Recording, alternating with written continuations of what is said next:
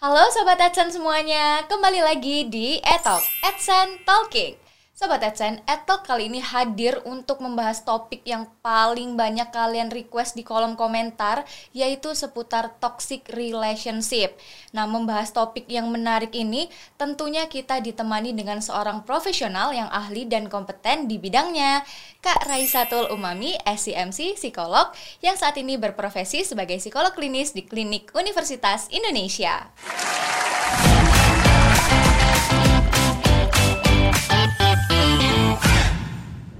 Toxic relationship ini emang sepertinya saat ini menjadi trending ya kak. Karena memang di kolom komentar AdSense yang kemarin kita video terakhir itu banyak banget sobat AdSense yang request toxic relationship dong kak. Bagaimana cara keluar dari toxic relationship? Nah apalagi kan akhir-akhir ini ada kasus yang mencuat tuh kan di publik yang terkait seseorang melakukan KDRT nah jadi sebenarnya toxic relationship itu apa sih kak Baik, uh, Kayu dan Sobat Edson di rumah. Jadi, kita bicara dulu ya mengenai relationship. Jadi kalau kayu relationship itu kan banyak ya. Mm-hmm. Jadi tidak hanya sebetulnya seputar hubungan dengan pacar, dengan pasangan, tapi kalau kita bicara relationship secara luas, hubungan itu ya dengan teman, dengan keluarga, mm-hmm. gitu ya, dengan sahabat dan lain-lain. Itu juga masuk ke relationship itu ya. Itu masuk dalam relationship. Mm-hmm. Tapi sobat Edson, kalau yang sekarang akhir-akhir ini trending ya kayu juga. Yeah. Jadi memang toxic relationship ini justru dengan pasangan pasangan dengan pacar mungkin hmm. atau dengan suami atau dengan istri yeah. gitu ya jadi ini yang banyak sekali beritanya hmm. jadi sobat Edson pada dasarnya sebetulnya uh, relationship ini kan ada dua tipe ya jadi yang pertama itu positif atau healthy relationship ya sederhana kita bilang uh, bahasa Indonesia ini ya seha, uh, hubungan yang sehat gitu ya Kayu jadi hubungan yang memang dilandasi oleh rasa saling support satu sama lain ya. Hubungan yang sehat ini atau hmm. healthy relationship ini ya contohnya seperti apa? Kita tuh saling dukung satu sama lain. Saling support. Sobat Edson di rumah saling menghargai pasangannya hmm. saling menghormati pasangannya. Adanya empati juga kak Ayu. Oke. Okay. jadi kalau pasangan merasakan sesuatu ya kita juga berempati gitu hmm. merasakan hal tersebut dan ada juga kita tidak adanya yang mengendalikan jadi tidak ada yang mendominasi Nah, pada prinsipnya sobat Edson di rumah, hubungan itu adalah hubungan yang setara kan sebenarnya. Diharapkan hubungan yang setara. Kita dan pasangan kita itu saling memberi, saling mengasihi, adanya rasa kasih sayang.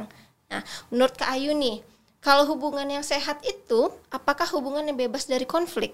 Hmm, hubungan yang sehat itu nggak nggak nggak harus bebas ya kak dari konflik. Uh. Pasti ada konflik, tapi mereka itu bisa menyelesaikannya dengan baik-baik dibicarakan baik-baik, dikomunikasikan baik-baik, seperti itu kan kak? Betul, betul hmm. sekali. Nah jadi Sobat Edson, hubungan yang sehat itu bukan berarti hubungan yang tidak ada konflik ya. Namanya konflik itu dalam hubungan tuh hal yang biasa, hal yang wajar ya kita mungkin ada konflik uh, dengan pasangan kita yaitu wajar karena mungkin ada perbedaan pendapat, perbedaan ekspektasi dan banyak perbedaan-perbedaan lainnya gitu ya. Nah, karena adanya konflik ini sebetulnya yang dinamakan hubungan yang sehat adalah hubungan yang memang ketika kita punya konflik kita selesaikan dengan baik. Nah, jadi ada solusinya nih Kak Ayu. Hmm. Kita cari bersama. Kita dan pasangan kita tuh saling mencari ya konflik uh, ini hu, solusinya apa aja ya? Solusi dari konflik ini apa saja? Jadi dicari jalan keluarnya bersama. Berdua. betul hmm. seperti itu. Okay. nah kalau yang kedua berarti apa nih kayu yang toksik. Iya. yang buruk-buruk yang tidak sehat berarti. Betul ya. Hmm. jadi sobat Edson yang kedua. Jadi ini kebalikannya. Unhealthy relationship. Hubungan yang tidak sehat. Ya kalau hubungan tidak sehat seperti apa ya kayu kira-kira ya? Kalau hubungan yang tidak sehat itu mungkin kalau cemburuan, oh. overprotective. Mm -mm mengontrol, iya, mengatur gitu-gitu. Kayu ini sudah sudah tahu ya, kayaknya banyak baca-baca juga yeah. nih. Gitu. Nah, jadi hubungan yang tidak sehat nih, sobat Edson, adalah hubungan yang memang tidak seimbang. Tadi kan kita bicara ya, hubungan yang sehat itu hubungan yang setara nih, gitu ya. Kalau hubungan yang tidak sehat, hubungan yang tidak seimbang, adanya uh, mendominasi salah satu pasangan katakan bisa bentuknya mengontrol ya uh, mendominasi ya bentuk perilakunya seperti apa adanya mengancam Sampai ada yang mengancam. Betul. Mungkin tanda lainnya cemburuan dan lain-lain nih Kak Ayu. Jadi banyak sekali tanda-tandanya. Ya, jadi hubungan yang eh, negatif ataupun unhealthy relationship yang tidak sehat ini adalah hubungan yang kalau ada konflik, wah justru semakin semakin menjadi nih Kak Ayu. Semakin menjadi tidak menyelesaikan masalah tapi malah terus, saja di Terus, situ. Iya, jadi konfliknya tidak diselesaikan dengan baik. Tidak diselesaikan berdua. Nah, seperti itu. Oke, jadi mungkin kalau yang unhealthy ini mereka itu lebih fokus di masalahnya kali ya kak. Terus saja diungkit, nggak fokus betul. mencari solusinya. Justru kan kalau konflik wajar ya tadi saya bilang Iya. ya, itu hal yang wajar, tapi yang paling penting adalah apa? Solusinya. Nah, kalau unhealthy ya tidak ketemu nih solusinya. Justru masalahnya yang dari kecil makin membesar, makin membesar dan makin membesar. Nah, betul kak. Aku jadi inget satu cerita nih ya dari lingkungan terdekat saya sendiri. Oh, baik. Jadi itu persis kayak kata Kak Reza, misal ada masalah tuh, dia fokus aja di masalahnya. Contohnya nih Kak, masalah yang kecil banget, benar-benar masalah yang sepele. Mereka berdua itu datang di satu acara gitu kan. Nah kemudian pihak satu lagi ini ngobrol dengan pihak yang lain. Nah si Fulan ini itu kayak tidak suka cemburu berlebihan. Nah, akhirnya marah. Udah berusaha diselesaikan baik-baik, dikomunikasikan. Tapi yang si Fulan ini marah, meledak, emosinya meluap-luap gitu. Ya, Fulan nama samaran ya. Iya, si Fulan nama samaran ini. Oke, nah jadi memang ya seperti Kak Ayu sampaikan uh, pernah ada cerita mengenai orang terdekat ya, yaitu memang ketika ternyata temannya mendekati mungkin mengobrol biasa mungkin Hmm, ya namanya biasa acara aja. ketemu orang banyak ternyata pasangannya malah Cemburu. cemburu ya ada overprotective di situ nah ini menunjukkan hubungan ini hubungan yang tidak sehat ya hubungan tidak sehat ini kita kenal juga dengan nama toxic, Toxic relationship. relationship. Nah, tadi kan Kak Resa sudah menjelaskan seputar toxic relationship. Iya. Tapi Kak, kalau misalnya sebelum memulai hubungan itu, kita itu pasti susah banget mengidentifikasi Iya, toxic relationship.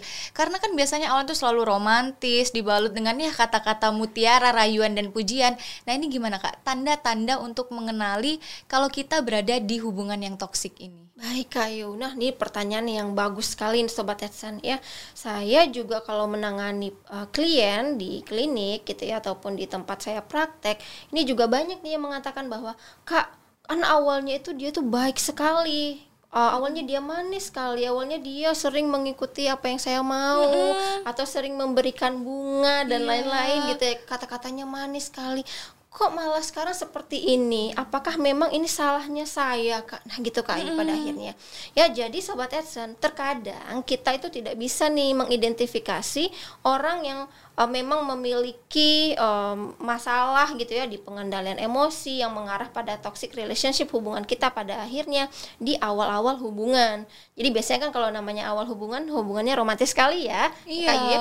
seperti kata-katanya manis, terus juga sering dibelikan Hadiah-hadiah kecil, iya, gitu ya, yang menunjukkan rasa kasih sayangnya. Tapi seiring berjalannya waktu, terkadang tuh mulai kelihatan nih kayu Sifat aslinya ya, Kak. tuh mengontrol ya, Betul. terus juga em, Mudah marah, Mudah marah, cemburu. jealous, mm-mm, cemburu. betul. Jadi mulai terlihat di situ. Nah kita sebetulnya bisa melihat ya, kita tuh bisa aware ataupun sadar dengan berbagai tanda-tanda yang tadi sebetulnya. Jadi memang akan banyak sekali tanda-tanda yang membuat kita tuh jadi berpikir sendiri, kok hubungan saya seperti ini ya? Kok ini sudah melewati batas sepertinya? Atau bahkan ada Kak Ayu yang memang menunjukkan kekerasan gitu ya. Jadi Kekerasan. abuse eh, secara verbal, secara fisik dan lain-lain. Jadi sobat Edson, kalau kita mungkin bisa bikin per poin gitu ya, apa saja ya tanda-tandanya yang kita tuh bisa identifikasi apakah hubungan saya ini termasuk toxic relationship atau tidak. Jadi yang pertama itu hubungannya tidak adanya support, Oke. lack of support ya. Jadi kita satu sama lain tuh saling eh, tidak memberikan support nih kayu. Jadi kalau misalnya kita ingin ikut sesuatu, bahkan mungkin dilarang kali ya kak. Betul. Udah, kamu gak usah ikut. Kebanyakan kasus yang saya tangani seperti itu kayu. Ternyata ketika ingin ikut organisasi apa, contoh kalau di kampus ya, Iya. ataupun ingin ikut komunitas apa, nah pasangannya itu tidak setuju. Oh jangan, nanti kamu terpikat sama orang lain. Oh jangan, nanti kamu eh, malah selingkuh dan lain-lain. Gitu ya. Itu tidak adanya support. Support. Padahal hubungan itu adalah hubungan seharusnya bisa Memberikan semakin support, iya. mengembangkan diri kita ke arah yang lebih baik, Baik, ya tentunya. Nah yang kedua, konfliknya ini semakin membesar tidak tertangani kayu. Oke, karena fokus di masalah aja ya kak. Betul, jadi hanya di situ, situ saja ya. Dan dalam konflik itu saling menyalahkan atau adanya menyalahkan pasangan.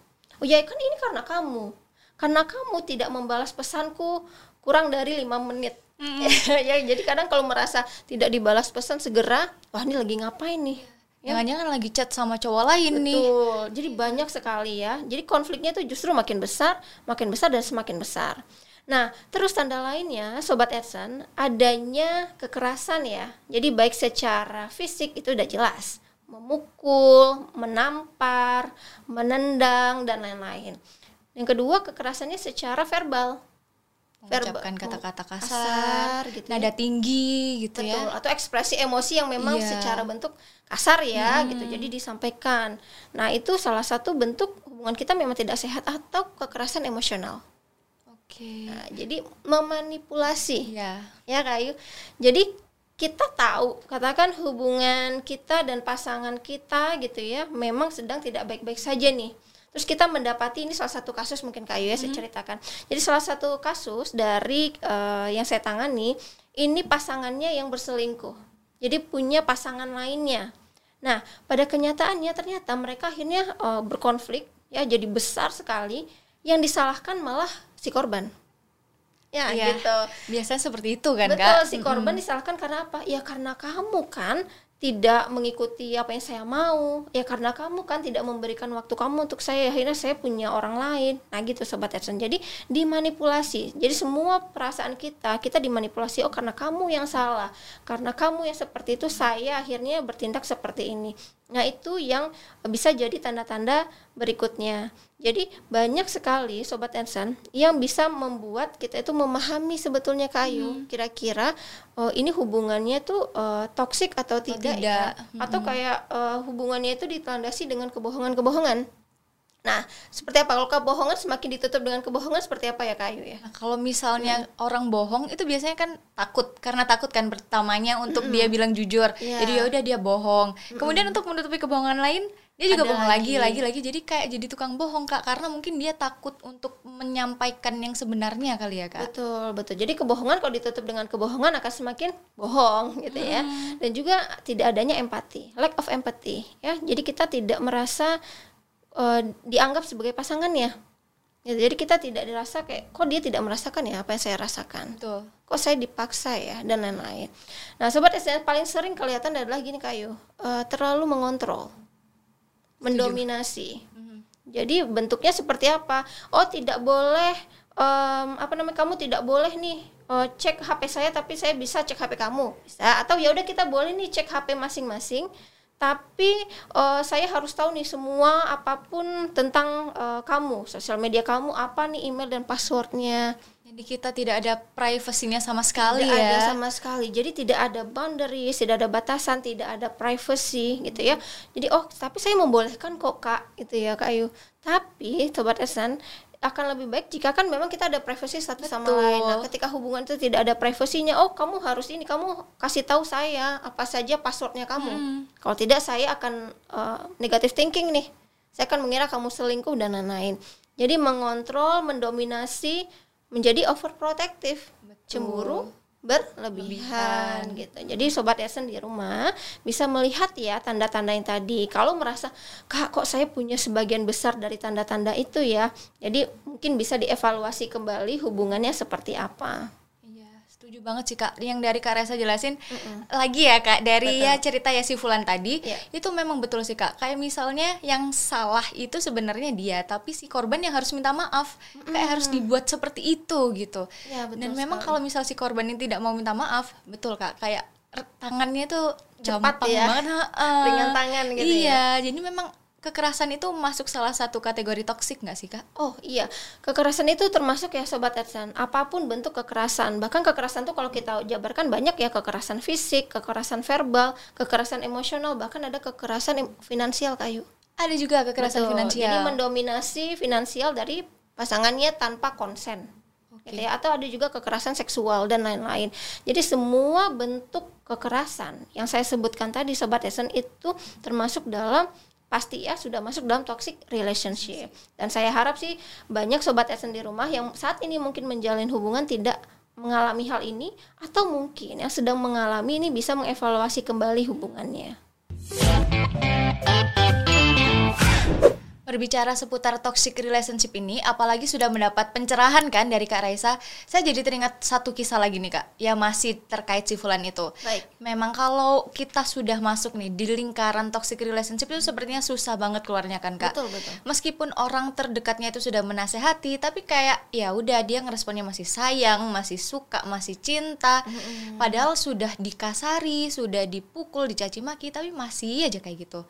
Nah itu gimana sih kak caranya biar kita itu bisa keluar dari toxic relationship gitu? Betul. Kalau sebagai orang terdekat, kadang kita greget ya, sobat Edson. Kok kamu masih mau ya sama dia, padahal kamu sudah dipukul.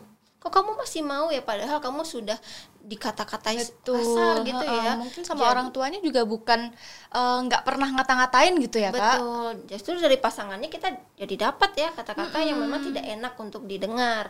Nah, jadi kenapa ya biasanya orang yang sudah masuk ke dalam toxic relationship ke Ayu itu akan sulit nih sobat Edson untuk keluar. Banyak sekali alasan-alasannya ya di baliknya. Satu, biasanya seperti ini. Kita merasa hubungan kita sudah terlalu jauh. Oke. Jadi, oh hubungan saya ini kan sudah lima tahun. Jadi malas menyudahi. Betul. Ini kan sudah enam tahun, sudah tujuh tahun dan lain-lain. Jadi merasa bahwa sayang kalau untuk diselesaikan. Dan mungkin malas memulai dengan orang baru kali ya kak? Bisa jadi. Jadi atau mungkin eh, keluarga saya sudah kenal dengan keluarganya dia. Kita sudah mer- merencanakan karir kita ke depannya atau pernikahan kita ke depannya dan lain gitu loh, Kak Ayu. Betul. Itu salah satu alasan si Fulan juga sih kak. Jadi seperti Kak Ayu langsung ini ya flashback iya ya. langsung flashback. Betul. Jadi memang karena alasan ini terlalu jauh ya, ini yang menyebabkan sulit untuk keluar. Gitu. Yang kedua, biasanya kita merasa takut kesepian. Ya, namanya orang ini kan adalah orang yang selalu ada ya. Kadang ya 24 jam kita. Ya kan? Kita selalu ada kalau kita chat dan lain-lain. Nah, ketika kita ingin menyudahi, kalau buat kita kan gini, mudah saja. Udahlah, selesaikan aja gitu ya. Kok kamu mau bertahan di hubungannya seperti itu? Nah, orang-orang seperti ini Kak Ayu akan sulit karena takut kesepian. Ya nanti kalau saya tidak sama dia lagi, saya akan kesepian. Siapa yang akan chat saya? Betul. Siapa yang akan menemani saya? Siapa yang akan selalu ada kalau saya lagi sedih dan lain-lain. Jadi ini alasan juga yang sering ya. Nah, yang ketiga sobat Edson berharap pasangan akan berubah. Ini banyak sekali kayu ya. Saya merasa gini, kalau nanti dia dengan saya, dia akan berubah. Iya. Nah, itu banyak ya. Si Fulan seperti itu enggak? Seperti itu juga. Sejauh ini sampai poin ketiga betul semua yang disampaikan Betul Kak semua Raisa. ya? Iya. Betul. Jadi dia pasangannya itu eh, diharapkan bisa berubah. Bahkan ada yang seperti ini sobat Edson, dia diharapkan nanti saat menikah dia akan berubah. Jadi hubungannya dilanjutkan nih sampai pernikahan padahal saat pacaran atau saat pendekatan sudah menerima kekerasan kekerasan gitu. Jadi memang tetap dilanjutkan saja gitu ya untuk hubungannya dan berharap pasangannya akan berubah. Nah, menurut Kak Ayu, apakah bisa memang berubah? Kayaknya enggak sih kak. Apalagi itu sudah seperti menjadi watak kali ya. Iya contohnya lagi dan lagi kita kembali ke si Fulan. Habis romantis terus tiba-tiba marah lagi, emosi lagi. Iya aku janji aku tidak akan mengulangi hal yang sama, tapi gitu lagi, gitu lagi kayak ya tapi disadarin terus ya. iya disadarinnya itu si korban juga susah banget kak Sulit sekali betul. Karena juga tanda eh, yang berikutnya adalah takut memulai hubungan yang baru. baru Ya kan harus mengenal lagi yang baru, harus bercerita lagi dari awal. Kita memahami ya, sobat Edson memang untuk memulai hubungan yang baru kan butuh usaha ya untuk mengenal lagi orangnya, untuk bercerita lagi mengenai background kita dan lain-lain. Tapi kita harus pertimbangkan apakah hubungannya sudah sekarang ini yang sudah toksik ini tetap mau dipertahankan atau tidak gitu ya. Nah, itu tuh Kak Ayu, tanda-tanda yang memang menyebabkan uh, orang-orang tuh sulit untuk keluar, Keluar dari, dari hubungan, hubungan yang tersebut. toksik, iya. Atau ada juga nih kayu, saya baru ingat. Jadi ada di uh, tempat saya praktek gitu ya. Jadi si korban ini selalu diancam. Oke, Ada tidak ancaman mau- juga ya. Nah, iya betul, tidak mau menyudahi hubungannya karena takut diancam. Ya, jadi ada mungkin foto-foto yang ingin disebar, atau ya udah aku akan bunuh diri. Ya, kalau kamu tidak mau sama aku. Kalau kamu putus sama aku, aku bunuh diri. Iya betul. Oke. Jadi atau aku akan menyakiti diriku gitu. Nah itu tanda-tanda yang menyebabkan orang akan sulit. Jadi merasa bersalah ya. Jadi perasaan korban itu jadi wah, wah saya takut nih disalahkan. Iya. Saya takut nih kalau dia kenapa-kenapa. karena saya. Karena saya. Nah menyambung yang tadi Kak Ayu sampaikan tentang temannya Kak Ayu. Jadi sobat Edson di rumah ini ada siklus ya. Ya kalau siklus kita bicara siklus kekerasan itu ada siklusnya. Nah siklusnya ini yang pertama yang berawal diawali dengan tension dulu. Tension itu adanya konflik nih Kak Ayu. Jadi konflik ini selalu terjadi. Mulai ya mulai berdebat gitu ya. Terus juga oh, kita merasa eh, orang-orang eh, tema- pasangan kita ini tidak mengerti kita. Jadi berdebat lah satu sama lain gitu ya. Jadi memuncak eh, rasanya seperti itu. Nah, yang kedua, jadi mulai nih kekerasan itu terjadi. Sampai kekerasan terjadi, kita mungkin secara verbal disakiti, secara emosional disakiti gitu ya. Muncul, muncul semuanya gitu. Jadi kekerasan-kekerasan ini akhirnya didapatkan oleh korban gitu. Nah, jadi dari tension ke kekerasan gitu itu siklusnya. Lalu berikutnya Kak Ayu apalagi nih kira-kira? Setelah dia kekerasan terjadi. Berulang lagi nggak sih kak Ya, siklusnya? terus berulang. Nah, Iya. setelah kekerasan terjadi sobat Edson biasanya pelaku itu akan minta maaf. Oh iya benar. Ya, Iya. minta maaf dulu. Ya, dan berjanji tidak mau Mengulangi, hal mengulangi yang sama. hal yang sama. Contohnya seperti apa? Ada yang bersujud-sujud ya. Aku aku janji aku tidak akan mengulangi hal itu. Atau memberikan Perhatian yang Perhatian lebih, berlebih. nangis. nangis Iya. gitu bersimpuh dan lain-lain. Jadi meminta maaf gitu ya. Sampai kita merasa bahwa iya ya, dia mungkin Sudah berubah. berubah. Ya mungkin dia sudah tidak seperti yang dulu lagi. Nah, setelah itu berikutnya polanya adalah siklusnya seperti honeymoon lagi nih. Bulan madu lagi. Romantis lagi. Romantis lagi. kita Romantis merasa lagi. semakin sayang, kita merasa semakin cinta, kita dibanjiri oleh semua kata-kata manis, hadiah-hadiah yang manis gitu ya, Kak Ayu. Dan setelah itu apalagi setelah eh, fase bulan madu ini? Ya kembali lagi ke awal. tension lagi Iya. ya kekerasan terjadi lagi pelaku minta maaf lagi ya dan bulan madu terjadi lagi jadi ini siklus yang memang akan terjadi eh, selalu terjadi di dalam setiap hubungan yang kekerasan gitu ya dan dalam hubungan toxic eh, relationship ini Kak Raisa tadi kan sudah menjelaskan seputar lingkaran toxic relationship. Sebenarnya yang pelaku toxic relationship ini itu bisa berubah nggak sih kak? ya baik kayu jadi sobat Edson di rumah kalau kita bicara dia bisa berubah atau tidak ya sebetulnya kan setiap manusia itu ada ya peluang untuk bisa berubah dan memang ada yang sulit untuk diubah tapi yang perlu kita perhatikan adalah kita itu tidak bisa ya mengubah orang lain hanya karena kita berharap nih dengan hubungan dengan kita dia akan berubah Contoh ya Kak Ayu, ada orang yang memang sejak pacaran dia sudah mengalami nih toxic relationship. Dia tahu, oh ini hubungan saya ini tidak sehat. Oh kok pasangan saya tuh sering cemburuan, kok saya merasa dikontrol, kok saya dibatasi gitu ya, kok saya merasa didominasi dan lain-lain. Nah, dengan harapan ketika sudah menikah, oh iya, nanti kan dia punya tanggung jawab baru, dia punya peran baru, dia pasti bisa berubah. Nah, ini konsep yang eh, salah gitu ya. Oh, dengan mengharap orang itu akan berubah, pasangan berubah karena eh, kita menikah dengan orang itu dan kita bisa merubah orang itu, itu tidak benar ya. Jadi yang bisa merubah orang itu adalah orang itu sendiri. Nah, kayu kalau dia merasa bahwa iya ini saya salah, saya akan berubah. Bisa dia berubah ya. Bisa aja dia berubah. Tapi kalau kita berharap bahwa ya dia akan berubah kalau kita yang merubahnya. Tidak ya. Jadi kalau diteruskan seperti eh, dalam hubungan pacaran itu ke pernikahan seperti apa? Ya dalam pernikahan ya akan semakin kompleks.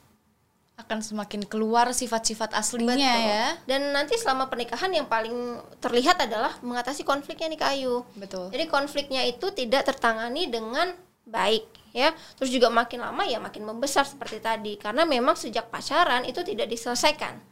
Tidak ada yang merasa bahwa ada yang salah nih dalam hubungan ini kita perlu perbaiki. Justru kan menikah itu kompleks ya Kak Ayu. Nanti akan ada lagi tanggung jawab baru peran-peran baru dan lain-lain. Jadi sobat Esen di rumah penting ya untuk kita mendeteksi hal ini Toxic relationship kan berarti memang ya seburuk dan tidak sesehat itu kan kak. Bahkan dampaknya itu sangat berasa pastinya ya untuk korban. Iya. Karena ya menanggapi ini terkait kasus si Fulan tadi Itu si korban itu sampai dampaknya cukup apa ya kak Serius lah.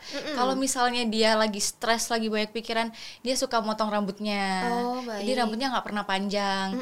Kemudian dia juga harusnya minum obat Tapi obatnya itu nggak mau diminum Karena kayak dia merasa udah nggak butuh butuh itu semua. Terus kadang dia melakukan ya di sini. oh menyakiti diri ya? Ya betul. Kayak gitu kak. ya jadi Dampaknya dampaknya memang seserius itu Kak Ayu dan Sobat Edson di rumah ya. Kebia eh, kebanyakan yang terjadi adalah yang memang secara eh, psikologis gitu kita banyak mengalami dampak yang cukup signifikan. Adanya stres berkelanjutan ya karena sumbernya adalah dari hubungan kita ya itu yang pertama. Nah yang kedua biasanya kita itu jadi semakin terjerat nih dalam lingkaran kekerasan. Yang mengakibatkan apa ya? Kalau fisik berarti dampaknya secara fisik, Fisik. gitu ya, emosional kita semakin stres gitu. Ada juga korban yang jadi depresi. Betul. jadi dampak-dampak secara kesehatan mentalnya itu sangat-sangat eh, berbahaya sebetulnya. Dan penelitian sobat Edsan dan Kayu ini menunjukkan bahwa orang yang terlibat dalam toxic relationship khususnya kekerasan gitu ya atau mungkin toxic relationship secara umum deh gitu ya penelitian bilang bahwa meningkatkan resiko penyakit eh, berbagai penyakit contohnya seperti apa? Meningkatkan resiko tekanan darah menjadi tinggi. Pastinya Ya. karena emosi ya. menahan. terus juga yang kedua meningkatkan resiko penyakit jantung. Atau juga bahkan meningkatkan kadar gula darah. Gitu ya. Itu penelitian ya. Mungkin kalau kita bisa lihat bisa saja kalau dia masalah ya copingnya dengan makan yang manis-manis Iya. bisa saja ya. Jadi banyak. Nah kalau seperti uh, si Fulan tadi temannya Kayu itu tampaknya ya copingnya ya.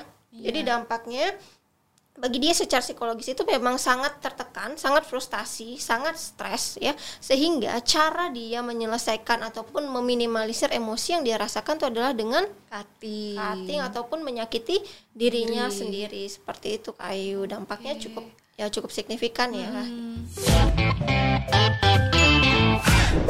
Sobat Edson, kita tadi sudah membahas banyak sekali seputar toxic relationship, mulai dari definisi hubungan itu, terus juga tanda-tandanya, dampak-dampaknya, dan bagaimana yang bisa kita lakukan untuk keluar dari hubungan tersebut.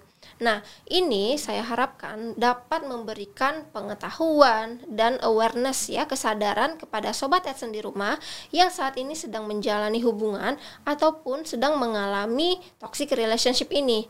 Mungkin keluar dari hubungan itu tidak mudah, mungkin akan sulit. Mungkin sobat Edson di rumah juga mengalami ketakutan, kekhawatiran akan keluar dari hubungannya seperti itu. Tapi sobat Edson di rumah punya kendali terhadap sobat Edson sendiri, terhadap diri sendiri, bahwa kita bisa keluar dari hubungan toksik tersebut dan kita bisa mendapatkan kebahagiaan-kebahagiaan yang akan kita raih di masa yang akan datang. Gimana Sobat AdSense? Menarik dan sangat berbobot sekali kan topik pembahasan EdTalk kali ini? Nah, untuk Sobat AdSense, supaya tidak ketinggalan informasi menarik lainnya, yuk follow semua media sosial AdSense mulai dari YouTube, TikTok, Twitter, dan juga Instagramnya. Mungkin ini yang dapat kita sampaikan di episode EdTalk kali ini. Akhir kata, sampai jumpa. Bye!